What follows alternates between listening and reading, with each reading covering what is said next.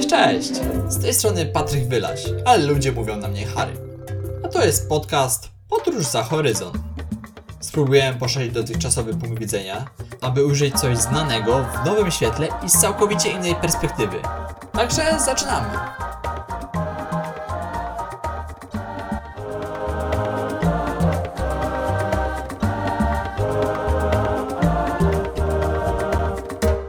Moją gościnią dzisiaj jest Ania Skiba, podróżniczka, socjolożka, autorka art- artykułów naukowych i pasjonatka socjologii i antropologii zdrowia, w szczególności psychicznego. Aniu, spędziłaś 8 miesięcy w Indonezji, badając i przeprowadzając wywiady tamtejszego zdrowia psychicznego oraz podejścia do nich. Mogłabyś może powiedzieć coś więcej na ten temat?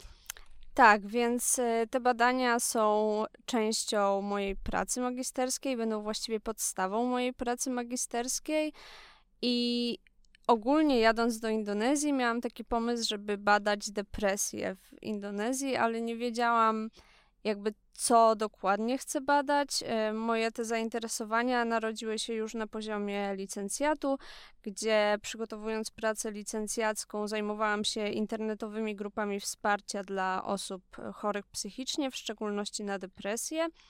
No i czytając y, różną literaturę do tej pracy licencjackiej, natknęłam się na wiele tekstów z antropologii zdrowia i takim głównym przesłaniem tych wszystkich tekstów i przesłaniem antropologii zdrowia jest to, że zdrowie, tak jak inne aspekty, są uwarunkowane kulturowo. Dla przykładu, na przykład to, co w jednym kraju może być postrzegane jak choro, jako choroba, w innym może być postrzegane jako zdrowie, albo postrzeganie zdrowia i chorób może różnić się w zależności od klasy społecznej, na przykład.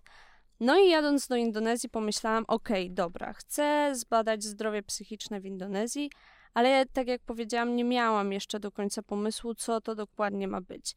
No bo wiecie, jedziecie do zupełnie innego kraju, odległego zupełnie kulturowo. Coś tam czytacie na temat tego zdrowia psychicznego, bo coś można było przeczytać przede wszystkim po angielsku, no ale trochę nie wiadomo od której strony zacząć i za co się wziąć. No i ja zaczęłam od takiej strony, że na ceremonii otwarcia programu stypendialnego, na którym byłam, poznałam doktora psychologii. On pracował w Ministerstwie Zdrowia w Indonezji.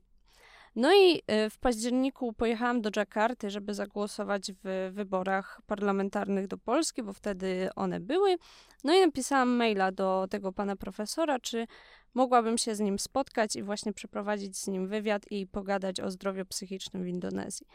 I jakby to był taki wywiad, który poruszał bardzo wiele, bardzo różnych aspektów, bo chciałam się tak zorientować w temacie. Pytałam też o internetowe grupy wsparcia, bo mnie to ciekawiło, bazując na doświadczeniach polskich.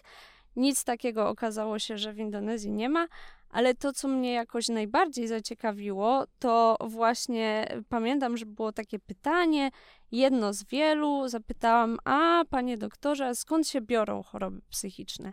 No i spodziewałam się jakiegoś takiego uniwersalnego, uniwersalnej odpowiedzi, której pewnie przekładając na polskie realia można by się spodziewać po doktorze psychologii, że biologiczne, że środowiskowe i tak dalej, i tak dalej. I doktor powiedział: Tak, owszem, takie też, ale niekoniecznie, bo też choroby psychiczne mogą się wziąć na przykład z opętań i z czarów i, i od złych duchów. No i ja zrobiłam wielkie oczy. Mam nadzieję, że nie było po mnie tego aż tak bardzo widać. No, zaczął mi opowiadać, ja oczywiście zaczęłam drążyć temat. No i bardzo mnie to wszystko, wszystko zaciekawiło. Opowiadał o szamanach, o religijnych uzdrowicielach. No i pamiętam, że wyszłam z tego wywiadu taka bardzo rozemocjonowana i napisałam do mojej e, pani promotor z jakby z licencjatu, która też jest moją promotorką pracy magisterskiej, co robić, bo ten doktor mi zaczął opowiadać o właśnie różnych niemedycznych, e, no nazwijmy ich uzdrowicielami tak ogólnie, bo w Indonezji to jest dużo, dużo różnych takich osób. No i że z jednej strony chciałabym się czegoś dowiedzieć na ten temat, ale z drugiej strony cały czas mnie interesuje takie postrzeganie chorób psychicznych przez takich normalnych ludzi, normalnych w cudzysłowie, w sensie nie specjalistów, może w ten sposób. No i wspólnie postanowiłyśmy, że jakby trochę połączę jedno i drugie. I moje badanie polegało na tym, że z jednej strony rozmawiałam właśnie z uzdrowicielami niemedycznymi, z drugiej strony z przedstawicielami zawodów medycznych, z psychologami i psychiatrami, no ale też rozmawiałam ze studentami o, o ich ogólnym postrzeganiu zdrowia psychicznego. No i im dalej w las, tym te badania się troszkę przekształcały, bo inne rzeczy mnie zaczynały ciekawić, inne mnie przestawały ciekawić, albo okazywało się, że w ogóle nie ma sensu drążyć e, tego tematu. Czy obydwa systemy, ten tradycyjny i medyczny, współistnieją jednocześnie w Indonezji? Tak, to jest e, bardzo ciekawe. Oczywiście to, co ja będę mówić, to jakby mówię wszystko to, co mi powiedzieli moi rozmówcy, i też bardzo trzeba zaznaczyć, że Indonezja jest wielkim krajem, wielokulturowym. Ja badania robiłam e, w środkowej Jawie i warto powiedzieć, że w innych częściach Indonezji to może wyglądać zupełnie inaczej. Ale z tego, co mi mówili moi rozmówcy, to faktycznie bywa tak, że te systemy niejako współpracują ze sobą, czasem bezpośrednio. To znaczy, według moich rozmówców zdarza się, że na przykład psychologowie kierują swoich pacjentów do religijnych uzdrowicieli, w tym przypadku, o którym mówię, albo na odwrót.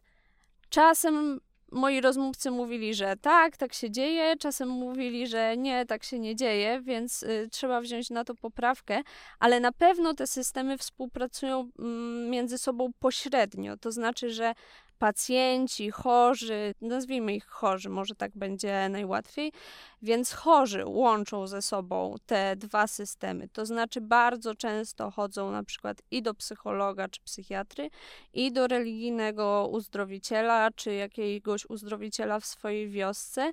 I psychologowie, ja się pytałam ich, co oni o tym myślą. I oni mówią, że to jest ok, dopóki ten, ta, ta druga strona, ta tradycyjna strona nie zaczyna podawać im jakichś specyfików. Ale jeżeli oni sobie chodzą i rozmawiają o tym, to psychologowie generalnie nie mają nic przeciwko temu, żeby łączyć w jakiś sposób te metody. Bo uzdro- uzdrowiciele ró- również są nazwani szamanami, tak? Tylko chyba wolą termin uzdrowiciel, bo jest on kojarzony z czarną magią. Tak, ja mówię ogólnie uzdrowiciele, y, z, używam takiego zbiorczego terminu na kilka grup osób, bo w Indonezji trochę tych niemedycznych uzdrowicieli jest. Po pierwsze, chyba najbardziej popularni, tak z tego mi się wydaje, są religijni uzdrowiciele. I tutaj przede wszystkim mówimy o muzułmańskich ustatach. Ustat to jest taki trochę właśnie mądry człowiek, który doradza, który zna się na Koranie, który zna się na religii, ale on też na przykład przeprowadza egzorcyzmy. Egzorcyzm się nazywa rukia. I ta rukia często jakby jest postrzegana jako rozwiązanie tych problemów psychicznych. Więc to jest jedna grupa e, uzdrowicieli. Druga grupa to są tak zwani orang pintar albo wong pintar. To jest w dosłownym tłumaczeniu mądry człowiek.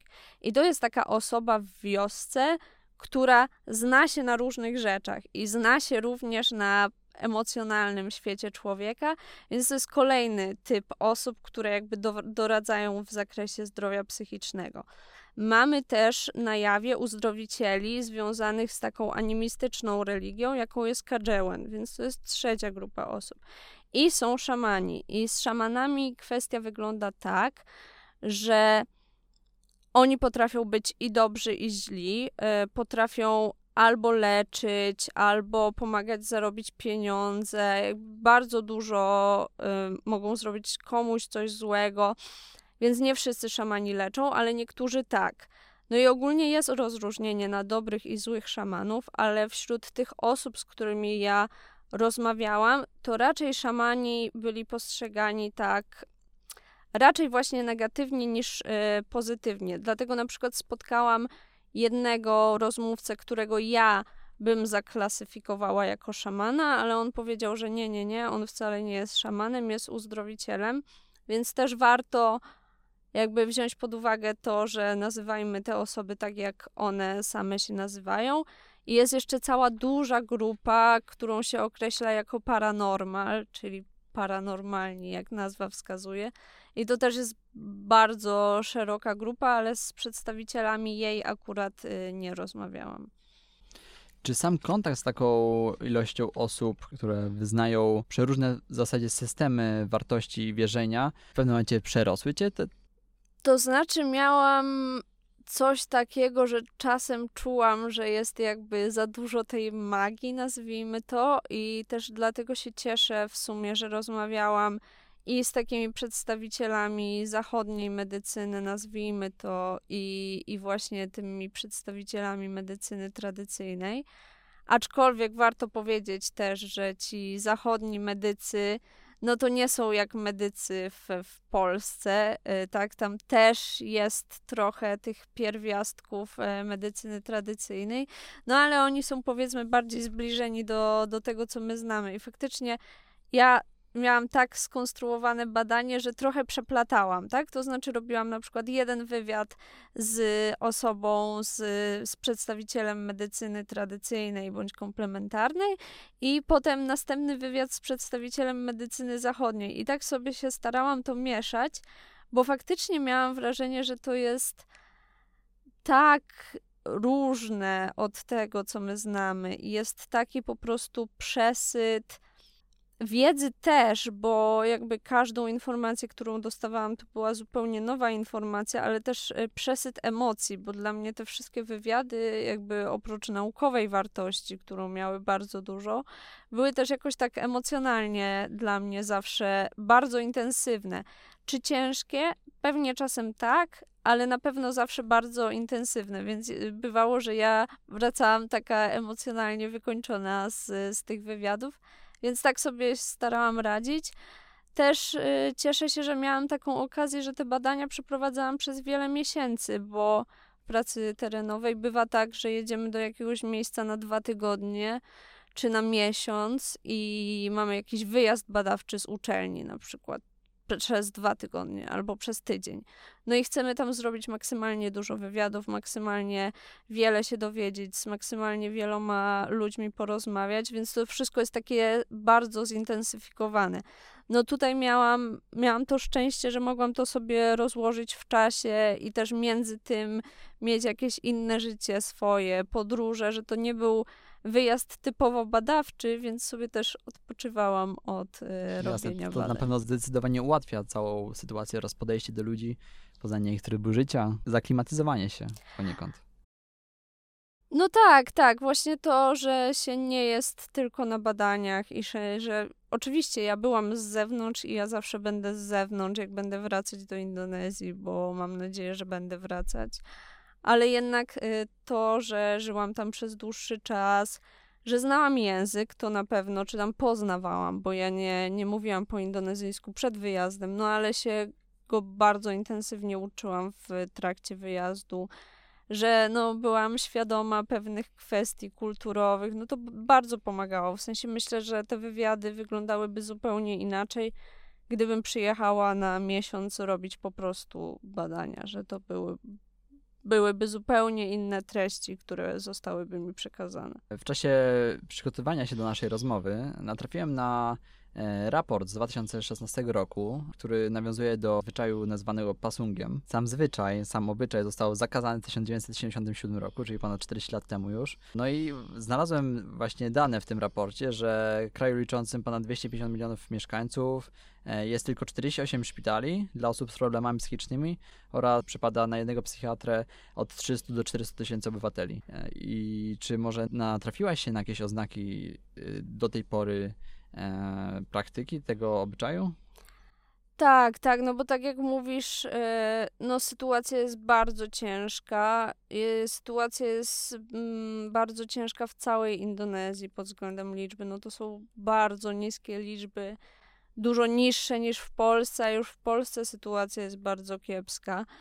E, no i też trzeba powiedzieć, że ja byłam na Jawie, która jest najbardziej rozwiniętą e, wyspą w całej Indonezji. Już tam jest źle, więc y, ciężko sobie wyobrazić, jak źle jest w innych regionach Indonezji. O Pasungu, którym mówisz, Ja go widziałam i widziałam go w dość niespodziewany sposób, ponieważ ja czytałam wcześniej o nim. To trzeba powiedzieć, bo chyba o tym nie wspomniałeś, co to jest pasung. Pasung to jest y, praktyka ograniczania wolności fizycznej osób chorych psychicznie. Są to osoby chore najczęściej na schizofrenię. I ja zawsze jak opowiadam o tym, to mówię, że są trzy formy pa pasungu, od y, najłagodniejszej do najcięższej i to brzmi strasznie, zawsze to brzmi strasznie nawet dla mnie, jak o tym opowiadam, ale najcięższa forma pasungu to jest trzymanie ludzi wręcz w klatkach, y, to na Bali się najczęściej dzieje.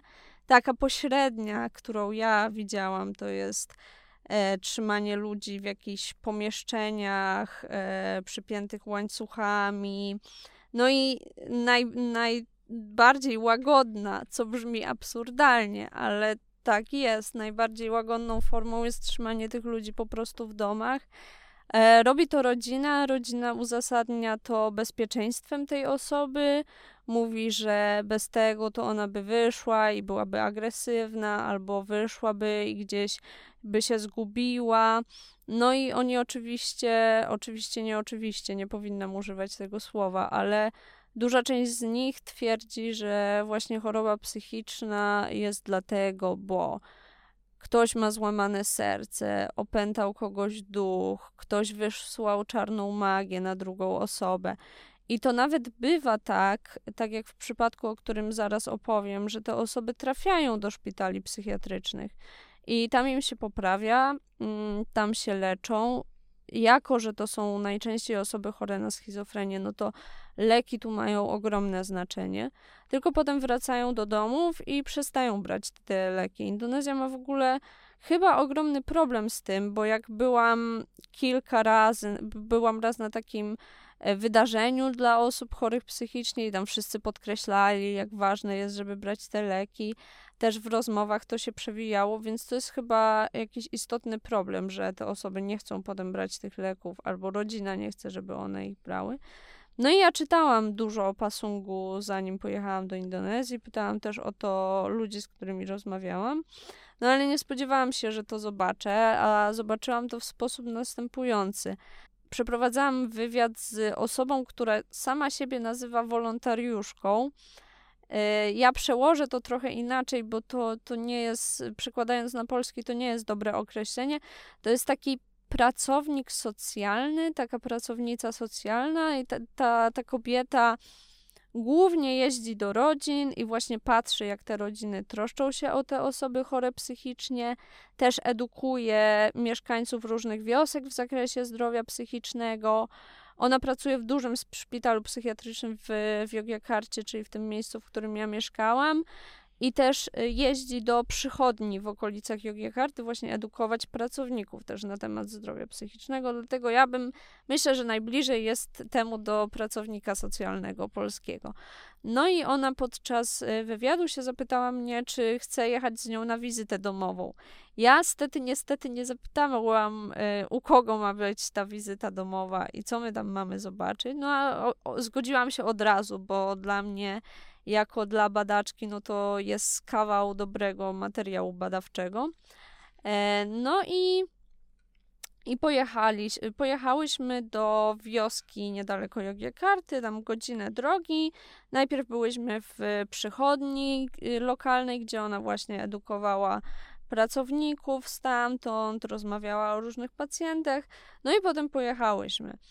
No i pojechaliśmy dużym autem z nią. E, ja pojechałam z nią i pojechałam z pracownikami tej przychodni. No i zeszliśmy na dół, na ganek domu, i tam właśnie była, był mężczyzna. Na moje oko koło 40, między 30 a 40 rokiem życia, tak myślę.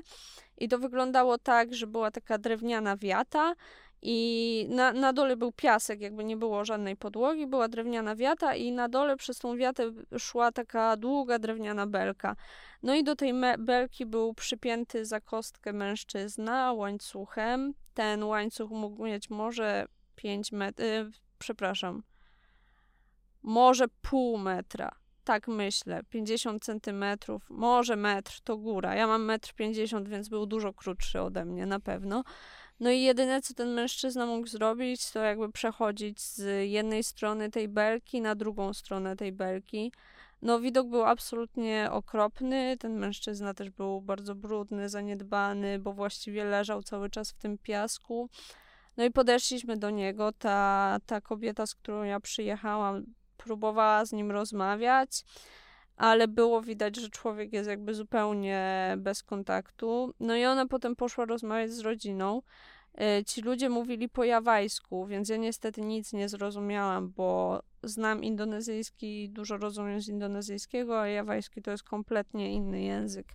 Więc no nie zrozumiałam nic, ale było widać, że sytuacja jest bardzo ciężka. Ja stałam przy tym mężczyźnie, chwilę rozmawiałam z tymi pracownikami z tej przychodni, potem przyjechali też jacyś przedstawiciele organizacji pozarządowej, przyjechało wojsko, no zrobiło się bardzo dużo ludzi, myślę, że z 10 osób na pewno tam było. No i w pewnym momencie po prostu się pożegnaliśmy i odjechaliśmy, jak gdyby nigdy nic. No i to był dla mnie wielki szok, no bo zobaczyłam makabryczną scenę. Pomyślałam sobie, okej, okay, jesteśmy z pracownikami przychodni, jest wojsko, policja, e, przepraszam, bez policji jest wojsko, są jacyś przedstawiciele organizacji pozarządowej, no coś powinniśmy zrobić, a my wsiedliśmy do auta i odjechaliśmy.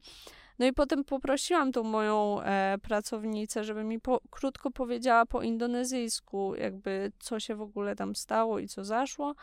No i okazało się, że to jest właśnie mężczyzna, który jest chory na schizofrenię i już był w szpitalu i już było lepiej, no ale potem wrócił do domu, przestał brać leki, więc znowu było gorzej. No i rodzina powiedziała, że oni go już nigdy nie dadzą do szpitala psychiatrycznego, bo to nic nie pomoże i wszystko jest przez to, że kobieta mu złamała serce i dlatego on, no właśnie, oni nie mówili, że on jest chory, tylko on mówili, że on jest, y, używali stwierdzenia, którego większość y, Indonezyjczyków y, używa, czyli orangila. To, nazwijmy to wariatem, tak przekładając na, na polski. Crazy to jest to samo określenie.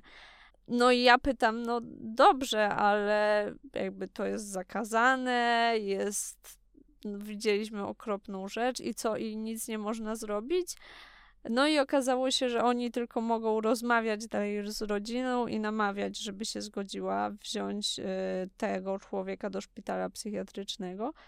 No i w ogóle ja zapytałam mojego kolegę, studenta z prawa, jak to jest, że coś jest zakazane od lat, a jednak ludzie dalej stosują tę praktykę i nie spotyka ich za to żadna kara. No i ja nie jestem w stanie tego wyczytać w żadnych dokumentach, bo to są dokumenty indonezyjskie, który jakby to jest taki poziom prawny indonezyjskiego, więc jest na razie dla mnie nieosiągalny.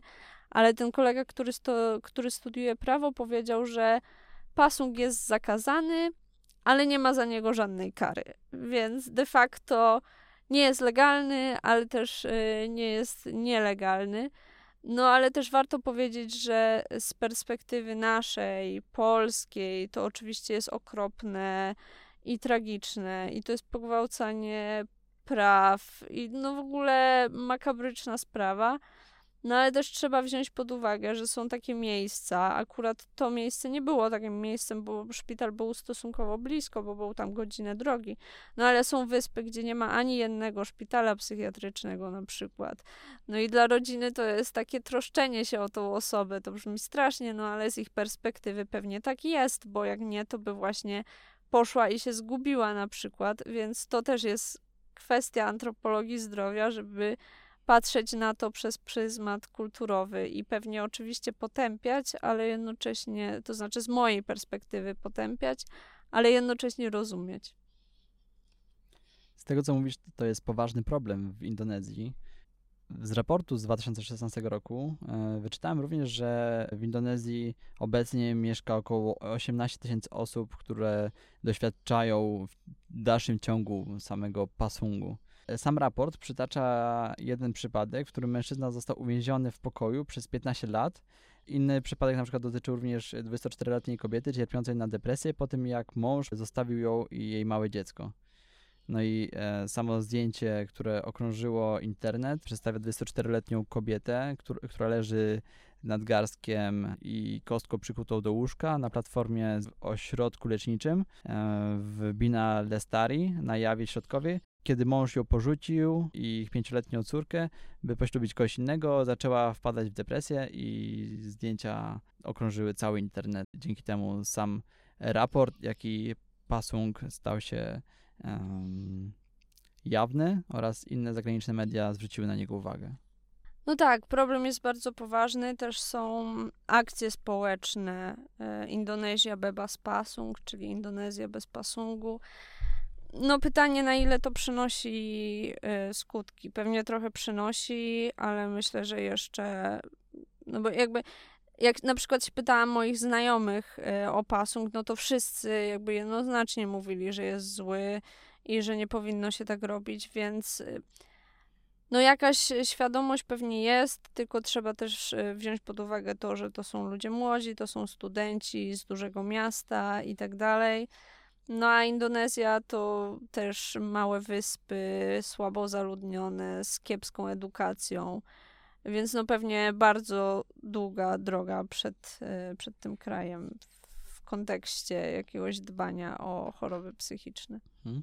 A szukając informacji na temat pasungu yy, i poprawiania się sytuacji związanych z nim, Znalazłem informację, że wicegubernator e, Jakarty, Sandiaga Uno, przyznał, że niektórzy członkowie jego rodziny, zwłaszcza jego ojciec e, Razif Uno, szukali opieki psychiatrycznej. To publiczne przyznanie się do, było postrzegane jako pozytywny krok w kierunku destygmatyzacji poszukiwania opieki w zakresie zdrowia psychicznego, co zostało docenione przez orędowników zdrowia psychicznego.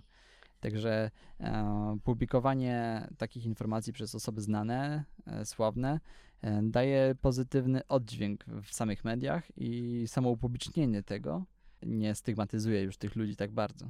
Tak, na, na pewno takie akcje pomagają, ale kolejny raz to jest Jakarta. To jest stolica, która jest e, bardzo, w sensie jest no, najbardziej zachodnia, nazwijmy to, mówię tu w cudzysłowie oczywiście E, z Indonezji. Pytanie, do kogo dociera ta informacja, czy dociera do tych osób, do których powinna dotrzeć e, w największym stopniu. Ja też e, się interesuję jakby tym, jak w internecie jest pokazywane zdrowie psychiczne i bardzo mnie cieszy to, że na YouTubie są kanały Indonezyjczyków, którzy zwracają na to uwagę, którzy mówią o tym. Jest taki człowiek z Jakarty, co prawda znowu, ale jest który właśnie opowiada o swoich zmaganiach y, z depresją.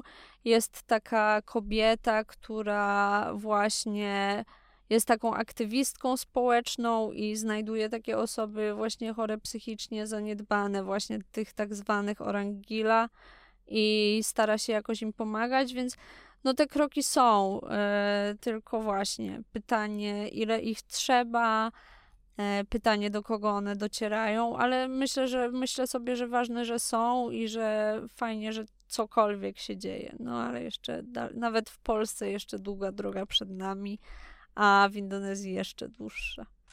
Wcześniej wspomniałaś o studencie prawa. E, jestem ciekaw, jakie miał podejście on do, e, do szamanów, do szamanizmu, do samego obyczaju pasungu i do chorób psychicznych to y, ten mój kolega student, to trzeba wyraźnie zaznaczyć, jest katolikiem. Mówię to wyraźnie, dlatego że w Indonezji religia odgrywa ogromne znaczenie, ale tu należy podkreślić, że nie jest to w sensie pejoratywnym, że nie mówię, że tam jest jakiś radykalizm, bo też Indonezja jest największym muzułmańskim państwem świata, bo tam jest 267 milionów osób, ponad 80% to są muzułmanie. I jak mówię, że religia ma ogromne znaczenie, to nie mówię tego w jakimś sensie, że nie wiem, wszyscy nagle muszą się modlić pięć razy dziennie, czy że po prostu nie można być, nie wiem, nie muzułmaninem. Nie, nie, nie. Jakby mówię to dlatego, że faktycznie tak jest, że religia przenika wszystkie aspekty życia Indonezyjczyków i przenika też aspekty związane ze zdrowiem. I nie wiem, czy tak się ułożyło po prostu, czy faktycznie można zaobserwować jakąś taką tendencję. Te, to jakby to by wymagało dużego pogłębienia i dużo większych badań e, na dużo większej liczbie osób, ale wśród tych studentów, z którymi ja, rozmawiałam, to ci katoliccy studenci mieli takie bardziej naukowe podejście, bym powiedziała. Mniej było tej religii samej w sobie, w tym zdrowiu psychicznym, a u moich muzułmańskich kolegów było jej więcej.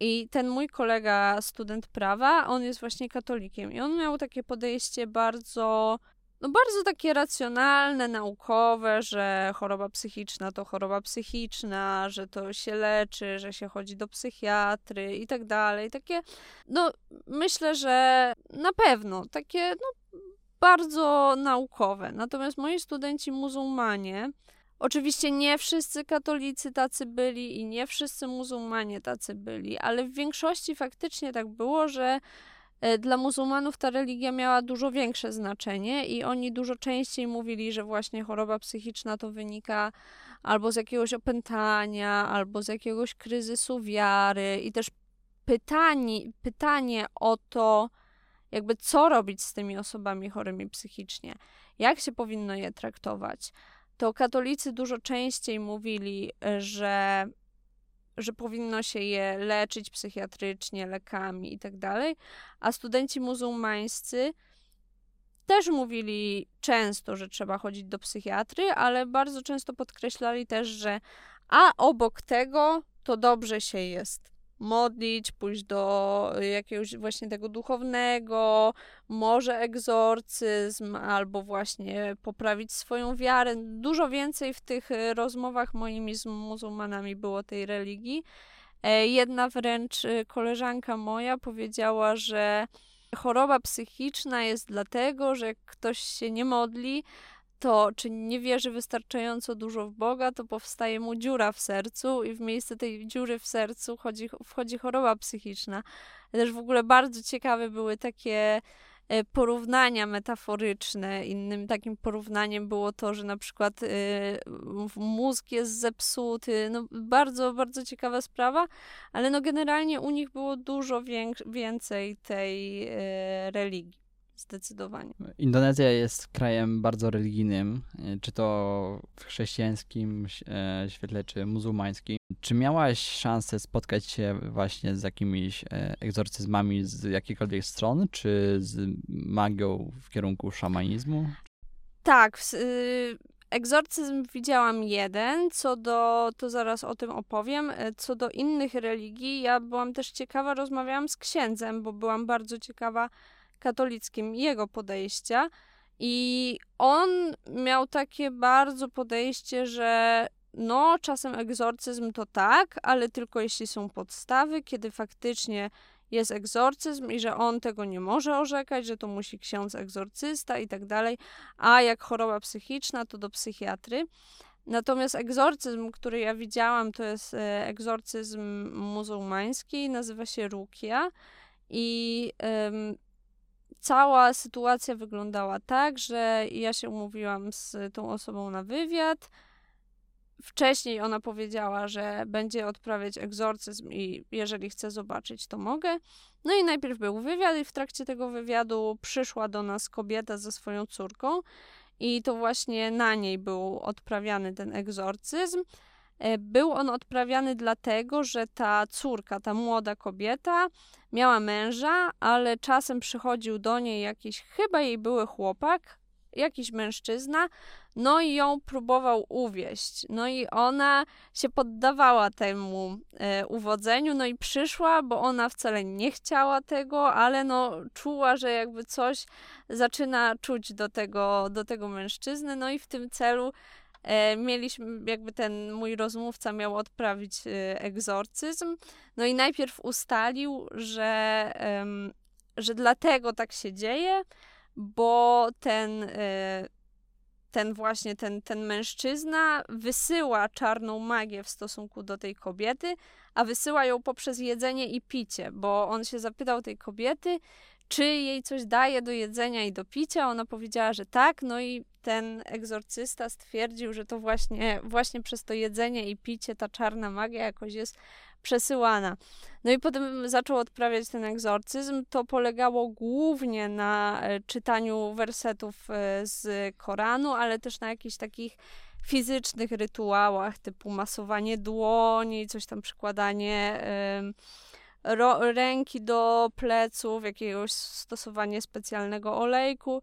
No i w końcu stało się tak, że tam po kilku tych czytaniach tych wersetów ta kobieta zaczęła wymiotować. No i jak ona zaczęła wymiotować, no to był znak, że ten zły duch, czyli dżin z niej wyszedł i że teraz już powinno być wszystko dobrze i miała tylko tam przez najbliższy czas, czas pić jakąś tam świętą wodę, no i jakby nie pomogło, no to miała do niego wrócić. Na pewno klasyczne pytanie było, czy coś szczególnego wtedy poczułaś? Czy jakiś wpływ to miał na ciebie? Ja nie, byłam w ogóle z. Aczkolwiek właśnie to jest tak, bo ten, y, ten egzorcysta też dał nam tej, bo byłam z moim kolegą, bo ja często na te wywiady jeździłam, zwłaszcza na samym początku, jeździłam z moimi znajomymi no bo indonezyjski y, na samym początku znałam bardzo słabo, więc oni mi bardzo pomagali w tłumaczeniu. Potem już znałam dużo lepiej, więc dużo więcej byłam w stanie zrozumieć.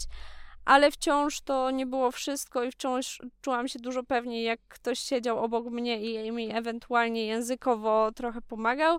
No i jak mieliśmy wypić tą wodę i jakby w nas był zły duch, czyli dżin, to on się miał uaktywnić i coś się miało z nami zacząć dziać.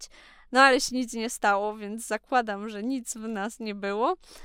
Ale no to wszystko jest takie magiczne trochę. W sensie czuję się taką atmosferę specyficzną e, tego czytania Koranu i tak dalej. To, to nie jest tak, że ja nagle czuję jakąś energię i moc jak w Harry Potterze, ale to jest dla mnie takie trochę mistyczne. Jest na pewno jest na pewno czymś, czego w Polsce jest bardzo ciężko spotkać, więc y, je, no, oddziałuje to na pewno, na pewno to oddziałuje na człowieka.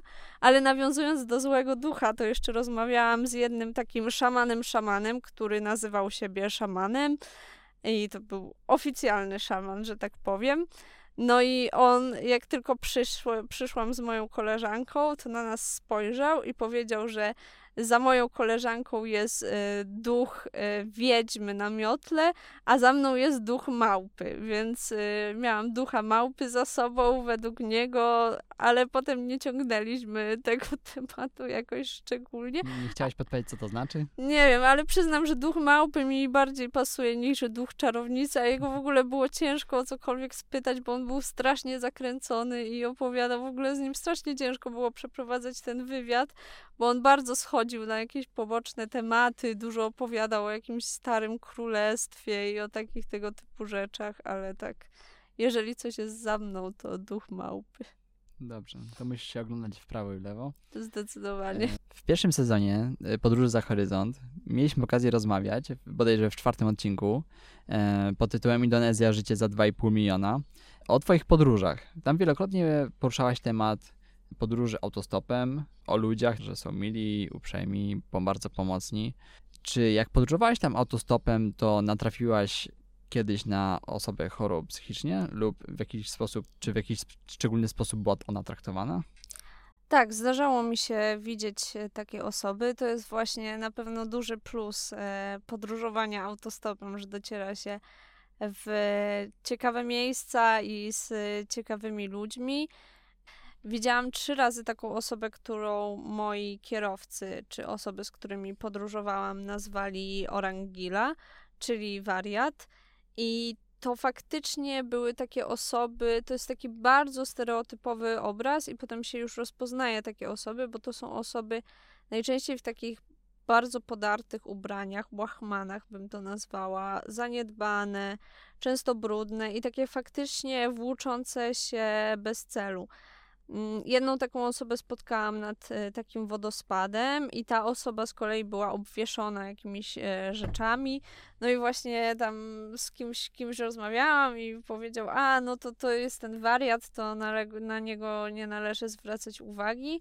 Drugą taką e, osobę spotkałam, jak byłam na Karimundżawie, i było podobne podejście. To znaczy, ten człowiek gdzieś tam cały czas po tym małym miasteczku się snuł i po prostu należało na niego e, nie zwracać uwagi, a trzeci raz e, taką osobę, o takiej osobie słyszałam, akurat nie widziałam, jak byłam w Toradży u rodziny mojej koleżanki na święta Bożego Narodzenia i tam właśnie było powiedziane, że ci wariaci to przychodzą i coś tam chcą od tych ludzi.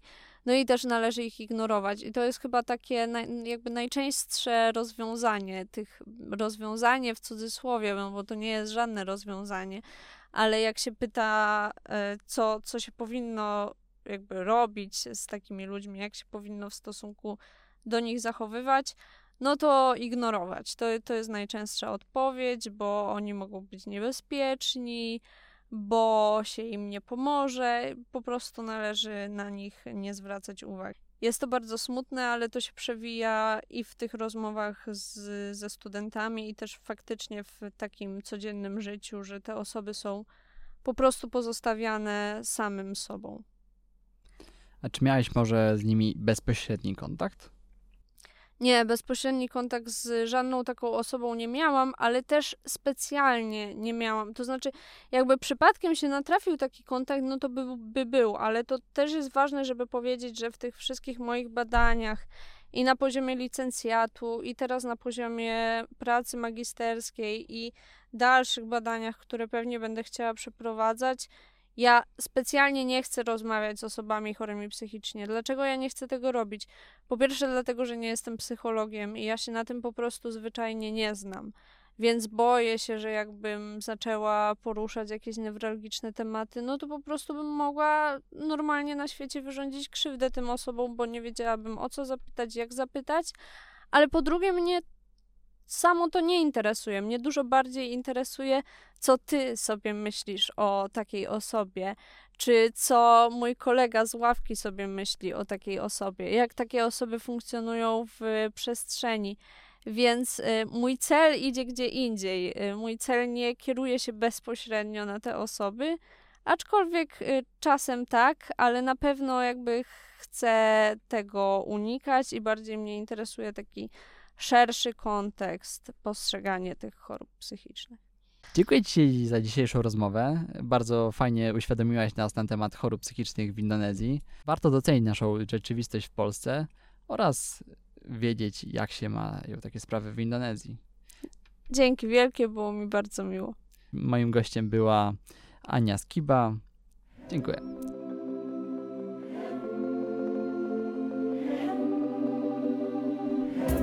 Więcej gości i ciekawych rozmów już niedługo. Do zobaczenia. Cześć!